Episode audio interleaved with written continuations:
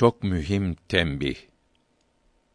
Erkek olsun, kadın olsun, her Müslümanın her sözünde, her işinde Allahü Teala'nın emirlerine yani farzlara ve yasak ettiklerine yani haramlara uyması lazımdır. Bir farzın yapılmasına, bir haramdan sakınmaya ehemmiyet vermeyenin imanı gider, kafir olur. Kafir olarak ölen kimse kabirde azap çeker. Ahirette cehenneme gider. Cehennemde sonsuz yanar.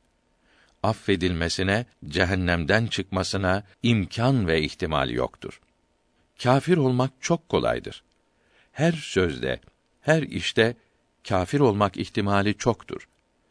Küfürden kurtulmak da çok kolaydır.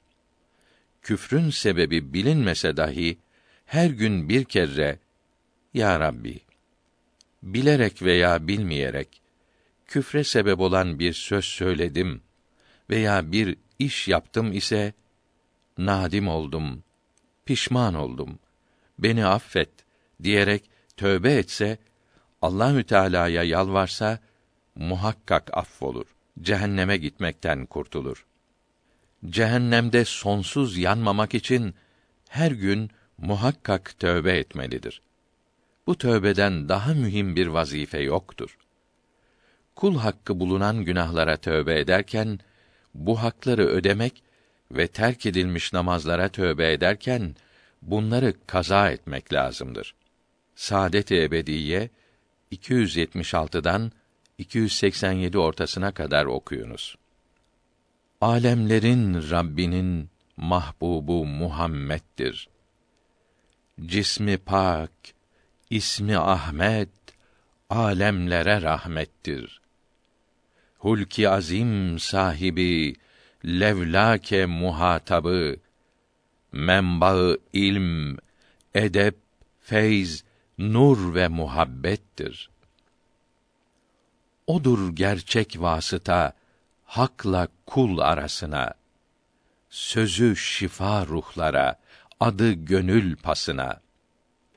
Odur hakiki tabip, meyus kalp hastasına. Değil kendi, ümmeti meleklerden yüksektir. Bu en seçkin kuluna hak yardımcılar verdi. En sevdiği kulları ona eshab eyledi. Resulullah yolları benim yolum demiştir. Asırların iyisi bu asrı göstermiştir. Muhammed Mustafa'yı canından çok sevdiler. Mal, mülk, makamlarını uğruna terk ettiler. İslam'ı yaymak için severek can verdiler. Ya Rab, bu ne güzel hal.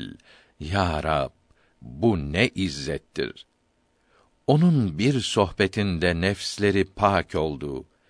Kalplerine marifet, feyz, nur tecelli doldu. Evliya hallerini onlar bir anda buldu ve hep ona uydular. Bu ne büyük şereftir. Onlar hepsi adildir kimseye zulmetmezler. Nefsleri için asla hilafet istemezler. Bu yüzden harbetmezler, birbirini üzmezler. En yüksek makamdalar ve hepsi müçtehittir.